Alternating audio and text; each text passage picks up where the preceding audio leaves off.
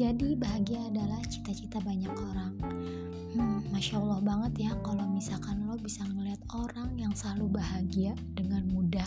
Tapi nggak semua orang bisa merasakan bahagia dengan sesimpel dan sesederhana mungkin. Definisi bahagia menurut orang memang berbeda, tapi definisi bahagia menurut gue sangat simpel. Lo bisa mengenal diri lo siapa, mau lo apa, orang tua lo suka apa, bahkan lo bisa mengenal kelebihan dan kekurangan lo.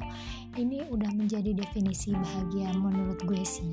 Karena apa? Kalau lo bisa mengenal diri lo itu siapa, lo juga bakal bisa mengenal siapa Tuhan lo. Masya Allah banget ya.